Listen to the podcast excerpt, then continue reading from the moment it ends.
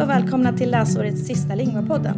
Jag heter Sara Forster och ni har hört mig i tio avsnitt prata om forskning som förhoppningsvis har hittat vägen in i era klassrum. Ni har hört forskare från olika discipliner prata om bland annat motivation, ordinlärning, grammatik, hjärnan och metakognition.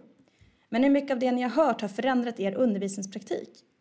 Det här elfte avsnittet är av en mer reflekterande karaktär där jag tillsammans med Karin Rönneman funderar på hur man kan förändra undervisningen inifrån och vad som krävs för att förbättringen ska bli bestående och påverka elevernas lärande. Hej Karin! Vem är du och vad har du för bakgrund?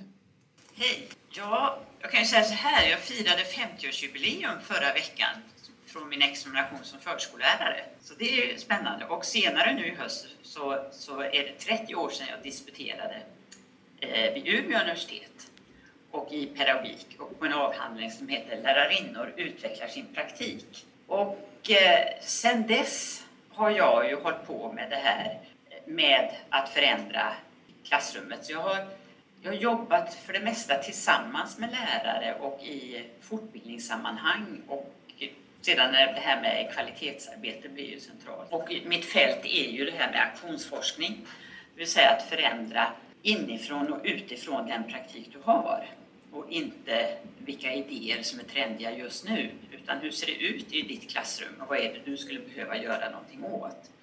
Och det fältet heter ju aktionsforskning då, så det, så det är väl det som jag har, har sysslat med ända sedan jag disputerade. Så i 30 år och skrivit en hel del böcker om det. Och sedan de senaste 10 åren så har vi ju kommit in på det här med, med hur, hur kan man leda arbetet? Kan lärare ta makten över utvecklingen i skolan det kollegial, på ett kollegialt sätt? Och då har jag tillsammans med två australiska forskare skrivit om det här med mellanledare. Och det är inte, det är inte då en, eh, alltså vilket jag vill betona, det är inte en position på det sättet som att det är en tjänst man söker, utan det är alltså en roll kan man säga kvinnor. Och vi är ju väldigt noga, ni som är språkfantaster här, alltså att det är, eh, är verbet ledande och inte ledaren vi är ute efter. Utan liksom, vad händer? hur leder man ett samtal? Hur ser ett sådant ledande ut? Och det menar vi då eh, att det finns mycket kring det. Men essensen i det är ju det här att det inte är en karismatisk person vi ska leta efter utan att det är någon som kan leda det kollegiala eh, mot ett professionellt lärande. Och jag tror att vi är många språklärare som, har man tur har man flera kollegor som undervisar i samma språk. Har man inte det kanske man bara är tre språklärare, en i spanska, en i franska, en i tyska. Men det finns kanske, ibland har man kanske fått ämnestid att reflektera kring undervisningen, ibland kanske inte. Men vad säger forskningen om att förändra skolan inifrån? Och vilken roll kan då de här eh, antingen förstelärare eller andra mellanledare ha? Ja, forskningen är väl ganska överens om att eh, för att skolan ska eh, förändras så behöver man ha de här alltså communities of practices eller de här sammanhangen där man, man kan sitta tillsammans och diskutera och reflektera över det man gör för att en förändring ska kunna ske i, i den undervisning som man är, är engagerad i. Det finns ju mycket forskning, det finns mycket artiklar eller såna här, som är såna här metastudier som har sammanställt aktuell forskning. Och där är man ju, eh, alltså det man pratar mycket om det är att det ska finnas ett mål, att det, man ska kunna ha en tillit och att det ska finnas ett eh, ledarskap. Sen finns det ju fler, och det här med reflekterande och lite inquiry, alltså det här undersökande. Så det är ju de här delarna. På engelska så pratar de ju om professional learning communities eller eh, teacher learning communities, TLC eller PLC som de förkortas och används ganska frekvent.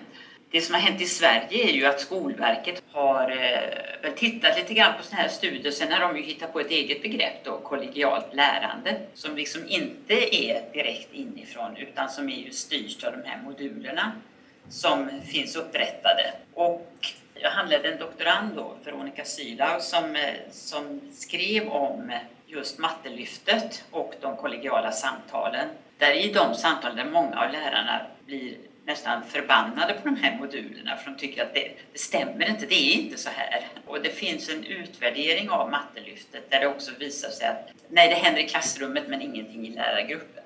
Och där är det ju någonting som inte riktigt stämmer. I så fall om man skulle vilja, alltså det jag har varit ute efter det är ju att det också händer någonting i lärargruppen, att det, man, får, man får nya, alltså det svåraste som finns är ju att förändra eftersom människan är obenägen att förändra sig. Vi håller på ända tills du kör huvudet i väggen och det verkligen inte fungerar. Då först vill du göra någonting. Men eh, alltså jag, eftersom jag har jobbat med aktionsforskning så, så länge och eh, haft det som ett, ett motto att det är så man måste börja, det är att titta på sin egen undervisning och vad är det som, vad är det som inte funkar just nu? Och då brukar jag prata om det här, den här frågan då, vad händer här? Det vill säga, vad händer i undervisningssituationen? Är det så att en elev faktiskt inte hänger med på, på vad, vad som görs så måste jag ta tag i det. Och, eh, och då är det utgångspunkten till att förändra. Och det kan ju vara, alltså de här förändringarna kan ju vara av stora eller små, men att det måste vara utifrån mitt eget klassrum. Det, det, det, är ju inte alltid så att du kan implementera andras idéer, för de är ju i en annan kontext. Och det är så också man säger mellanledare, man arbetar, det är situerat, det är också kontextuellt. Och därför kan vi inte ta en idé från en annan. Vi kan pröva den, men vi kan inte bara föra över den och tro att den ska funka i mitt klassrum eftersom betingelserna ser inte likadana ut. Och det här är nog det svåraste, för det är så lätt om man ser svenska lärare enligt forskning då, så är ju väldigt benägna att bara vänta på eh, idéer från Skolverket eller från, från eh, förlagen. Vi har ju Lärarförlaget till exempel, där min bok är utgiven, som öser ut böcker. Och det gör ju de andra förlagen också, studentlitteratur, Klerups. Ska inte... Men just det här att det, det, blir väldigt mycket det här att du, du matas utifrån istället för att sätta dig tillsammans med dina kollegor och fundera över vad borde vi göra nu åt det här som vi gnäller över? Eller det här som jag är missnöjd med ska vi ta tag i det? Och det här handlar ju om autonomi, det handlar ju om professionalism. Och det skiljer sig, svenska lärare skiljer sig åt här från till exempel tyska lärare, finns ju en avhandling som visar. Där tyska lärare då är mycket mer benägna att ta tag i sin fortbildning eh, direkt själva och eh, göra någonting åt det. Mm. Vi Skolverket har gjort språksprånget för våra språklärare med flera moduler som i sig låter väldigt intressanta. Och i mitt ämneslag med moderna språkslärare, vi försökte hoppa på en men nej, det funkade inte riktigt för oss så vi släppte den bollen. Um, och jag har också försökt leta efter forskning som har utvärderat de här läslyften. Jag hittar också om mattelyften men jag hittar inte så mycket mer. Ehm, men jag tänkte, du pratar om reflektion. För att det är så att för att överhuvudtaget kunna lära oss så behöver vi både tänka och reflektera. Och reflektera kommer från latinets reflektare som betyder ungefär tankens krökning tillbaka till sig själv. Det vill säga att tänka, tänka om, tänka nytt. Och jag tänker att för att tänka nytt, vi behöver input utifrån. Men ehm, vi, som du säger, vi är ju ganska förändringsobenägna. Så jag tror att vi behöver ju utmana oss för att liksom nå det här nytänkandet eller synvändorna. Vad säger forskningen om just det här med ut, det utmanade motståndet? Det finns ju en, eh, en bok av eh, eh, Katz och Eindack. De är ju psykologer men jobbar ju i Kanada med skolutveckling. Och de, de, de tittar ju på det här utifrån Piagets perspektiv, då, det här med assimilation och ackommodation. Och de utgår ju från det här ja, att människan har så svårt för att, eh, att det är ovilja att förändra. Och det är ju det här, det är ju, och jag har tänkt mycket på det efter jag läste den, Alltså, vi har ju väldigt mycket sådana ord och, och, uttryck i svenskan som gör att, om du tänker bli vid läst, gräset är inte grönare på andra sidan och så, ja, du bara name it. Eh, så då blir det ju det här att, eh, så vi liksom kulturellt präglade lite, lite av det här att det är bättre att fortsätta där du är eh, och gräv djupare där du är istället, ungefär. Så, men det, om man går på Piagets studier så är det ju det här då, alltså den här svårigheten att utmanas för att, för att om du upptäcker det här så kräver det ju också då att du måste förändra dig om du upptäcker att det här blir bättre. Och det stämmer ju också med, med Vygotskys teorier om den här proximal development och proximal zone, alltså den här utvecklingszonen där, så där du faktiskt kan förändra dig. Så, så det är att våga skulle jag säga. Och där tycker jag ju då naturligtvis, men jag tycker att aktionsforskningen blir ett väldigt stöd i eftersom det är inte bara att göra utan det är också att samla in och analysera och reflektera över vad som händer och om det är värt att göra den här förändringen. Eller om det är en annan förändring som ska till. Och, då, och sedan behöver man ju läsa då forskning kring det, det, det ämnet man är äh, engagerad i.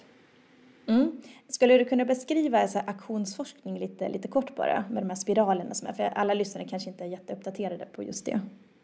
Eh, det är ju, första skulle jag säga då att aktionsforskning är en process. Annars så blir det väldigt lätt att vi bara är ute efter metoder och tror att vi kan implementera. Men det är, utan det är en process som kräver, eh, som jag beskriver i fyra steg. Eh, så det handlar ju om att först eh, ställa sig frågan så här, vad händer här? Och utifrån det, eh, vad, vad det är, så kan man ju ställa sig frågan, vill jag ha det så här? Och sedan startar då att jag måste fundera, vad ska jag då förändra? Och hur ska det gå till? Alltså huret är viktigt, inte bara vad. För pratar vi om vad ska göras, då, då kartlägger vi. Men hur, då måste jag hitta på någonting som jag iscensätter som en aktion. Och sen när jag väl iscensätter den så måste jag följa den och det kan vi göra på många olika sätt. Jag kan videoinspela de här, alltså om jag tar ett exempel kanske lättare. Om du säger att du vill förändra Alltså det är så stökigt när du startar en lektion så jag måste, måste förändra lektionsstarten helt enkelt. Och då kan det ju vara så här att du kanske spelar in dig själv. Nu, nu tänker du så här att nu måste jag verkligen förändra, jag kan inte fortsätta så här. Så du spelar in de första fem minuterna av varje lektionsstart och så gör du någonting annat. Där du tänker att du, det räcker ju kanske med att du säger till eleven nu startar lektionen. Det här och det här ska vi göra, eller hur, hur det nu blir. Och sedan så måste du titta då, så får du ju försöka samla in vad som händer i klassrummet. Ett sätt har du äldre elever så kan man ju bara ställa en fråga eller be att de gör en sån här en alltså exit note eller att du ber att de skriver, någon, skriva någonting vad de tyckte om den här introduktionen. Och sen det handlar det om att titta på det här och sortera det och se, det kanske är hälften som tycker det var bra och hälften som inte tycker om det. Och då måste du ju reflektera över och fundera över hur ska jag gå vidare med det här? Och då kanske det blir ytterligare en förändring eller att du får en dialog med, hela, med eleverna om vad är det vi skulle behöva göra istället. För att jag som lärare kan inte bevisa när det är på det här sättet. Ja. Så, så, så de här stegen man brukar prata om det är ju det här att planera för någonting, genomföra en aktion, att observera vad som händer, reflektera över utfallet och sedan utifrån den reflektionen så, så blir det ju oftast att det är någonting nytt, någon ny plan sätts igång. Men det behöver inte vara så, så instrumentellt heller utan det kan ju vara så att du sitter i kollegiet eh, och, och, ni sitter och resonerar om någonting och så tänker du men gud, det här skulle jag vilja pröva. Och så att du börjar i reflektionen. Så, så det är viktigt också att det, det behöver inte vara så här instrumentellt så att det, du måste sätta dig ner och tänka vad ska jag hitta på nu? Utan tänka mycket i process och också det här att utifrån den egna praktiken. Och jag tänker också, det kanske inte heller behöver handla om problem man möter i undervisningen. Det kan också vara att men, jag tycker det funkar bra men jag tror det skulle gå ännu bättre om man gör på ett visst sätt. För det låter som att man har problem med undervisningen. Alltså, för många funkar det ju mesta. Så det är väl ja. mer, alltså, vad kan man skruva på för att det går ännu bättre tänker jag. Ja, ja absolut. Mm. Och du nämner det här med tid. Och vi lärare klagar ju ständigt på att inte vi har tid. Vad tror du krävs för att man ska hitta tid för att reflektera både individuellt och kollegialt i lärarvardagen? Ja, jag tror ju att man måste organisera för detta. Och då kan jag ta det som har förbluffat mig så, det är ju med alla skolor som har hållit på med alla de här eh, mattelyft och läslyft och allt vad det har varit. Och då när det fanns väldigt lite resurser extra, men då kunde man skapa tid. Men så fort det där var borta så fanns inte den tiden helt plötsligt. Så det är ju det, att på ett medvetet sätt organisera för att det finns tid. Alltså tid och plats skulle jag vilja säga. För det är inte bara, för det är inte alltid det funkar att bara sätta sig i ett klassrum. Det kan vara elever som kommer och stör, det kan vara andra lärare, städ eller vad som helst. Utan jag tror det är fredad tid och plats man måste organisera för. Så, så det, det är det enda jag tror är, är gångbart för att det ska hålla över tid och bli hållbart. Och det är att det finns med i tänkandet om vad det är.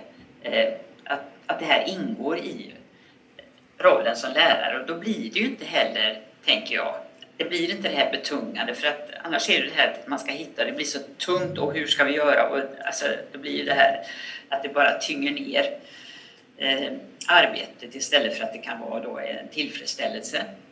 För min erfarenhet är ju, för anlitas jag då, har du, då får ju alla helt plötsligt tid.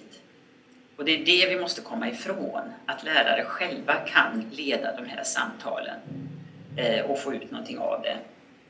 Och det här ledningen har en sån viktig betydelse att kunna organisera för att de här finns. Och sedan måste det ju vara då att det här med tillit som jag sa tidigare som är så viktigt, att det finns en tillit till processen. Och det Gederholm finns en forskare som skriver om tillit tre olika nivåer. De här två första de är vanliga, vanligast, men det här med det tredje som jag fram, det är en tillit till processen. Och det är väl det som vi måste ha i skolan. Alltså det, det går inte på två veckor. Utan det, det, är en process och det får ta tid.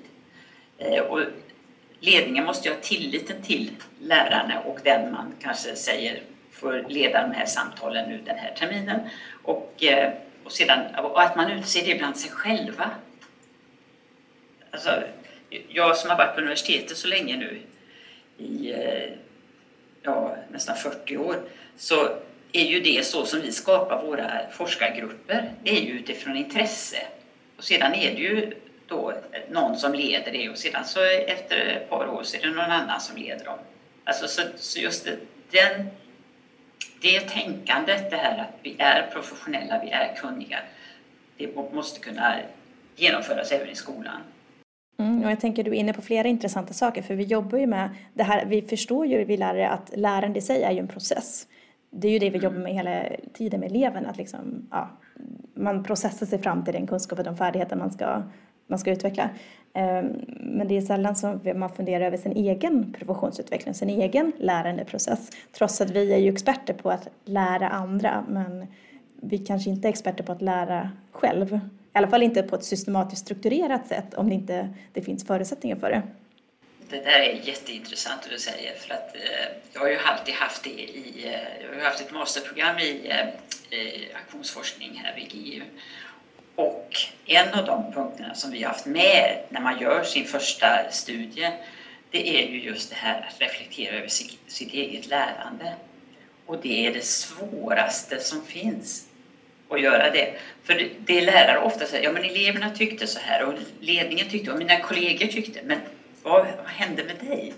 Så, så det, är, det är jätteintressant att du säger det. Mm. För, för det är ju precis att komma över detta och se vad är det vi behöver som, som kollektiv.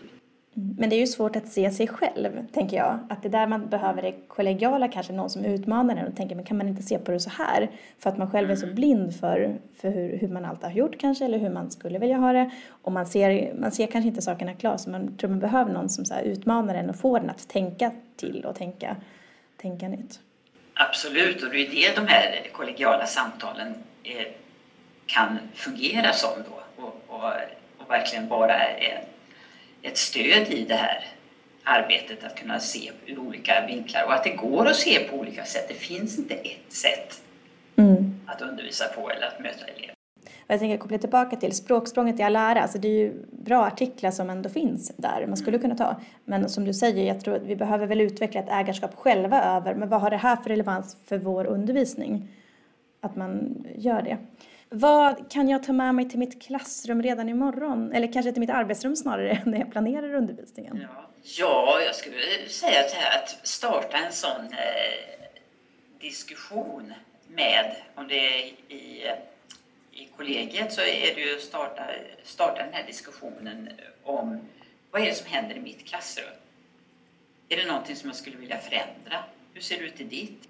Och påbörja den här tankebanan att kanske börja förändra någonting. Och som du säger, kanske inte bara hitta ett problem. Det där begreppet är ju, är ju svårt eftersom det, det är ja, lite forskningsbaserat. Vi pratar ju om det här med problem. det inte, behöver ju inte vara problematiskt utan det är att identifiera någonting som man, som man skulle vilja gå vidare med. Men sen skulle jag också slå ett slag för att börja med eleverna, att våga möta eleverna. eh, vad händer i klassrummet? Och utifrån deras perspektiv, att låta dem, speciellt eh, de som har, ni som har äldre elever då, vad, händer eh, om du skulle ställa den frågan eh, i klassrummet och få dem delaktiga i en sån process? Det vill säga att, så att, att jag, jag, som lärare, jag är verkligen intresserad av att pröva ett, ett nytt Alltså jag brukar bara ta sådana här tramsexempel, men så att säga, kanske ordna ett sånt här afternoon tea på fredag eftermiddag istället för ett glostest. Alltså vad ger det? Eh, och vilka pratar i så fall mer? Och, men alltså också att, att du samlar in och för tillbaks till eleverna. Så här såg det ut. Eh, och jag kan ju se att fler av er pratar mycket mer nu när vi har afternoon tea eller om det är en fransk frukost eller vad det kan finnas, eller en tapas eller beroende på vilket språk ni har. Men alltså ta in kulturen i och också. Men alltså det, det som för läraren är ju då, det är ju att titta vad det är som händer. Alltså vad är, vad är det för mönster som, som blir annorlunda och på vilket sätt bidrar det till ett lärande? För det är det som måste vara i lärarens fokus hela tiden, hur det kan bidra till lärande. Mm. Eh, och jag tänker just den här Katz och Eindack, deras bok från 2017 skriver de också det att det är elevernas lärandebehov, det visar ofta också lärarens lärandebehov. Alltså om det är eleverna har svårt för något så är det kanske det som man som lärare behöver utveckla på något sätt. Även om man själv kanske inte har tänkt att det är så problematiskt. Men att man kan ja, arbeta med det. För att återkoppla till Katz och Eindack så skiljer de ju på en trivselkultur och en lärandekultur.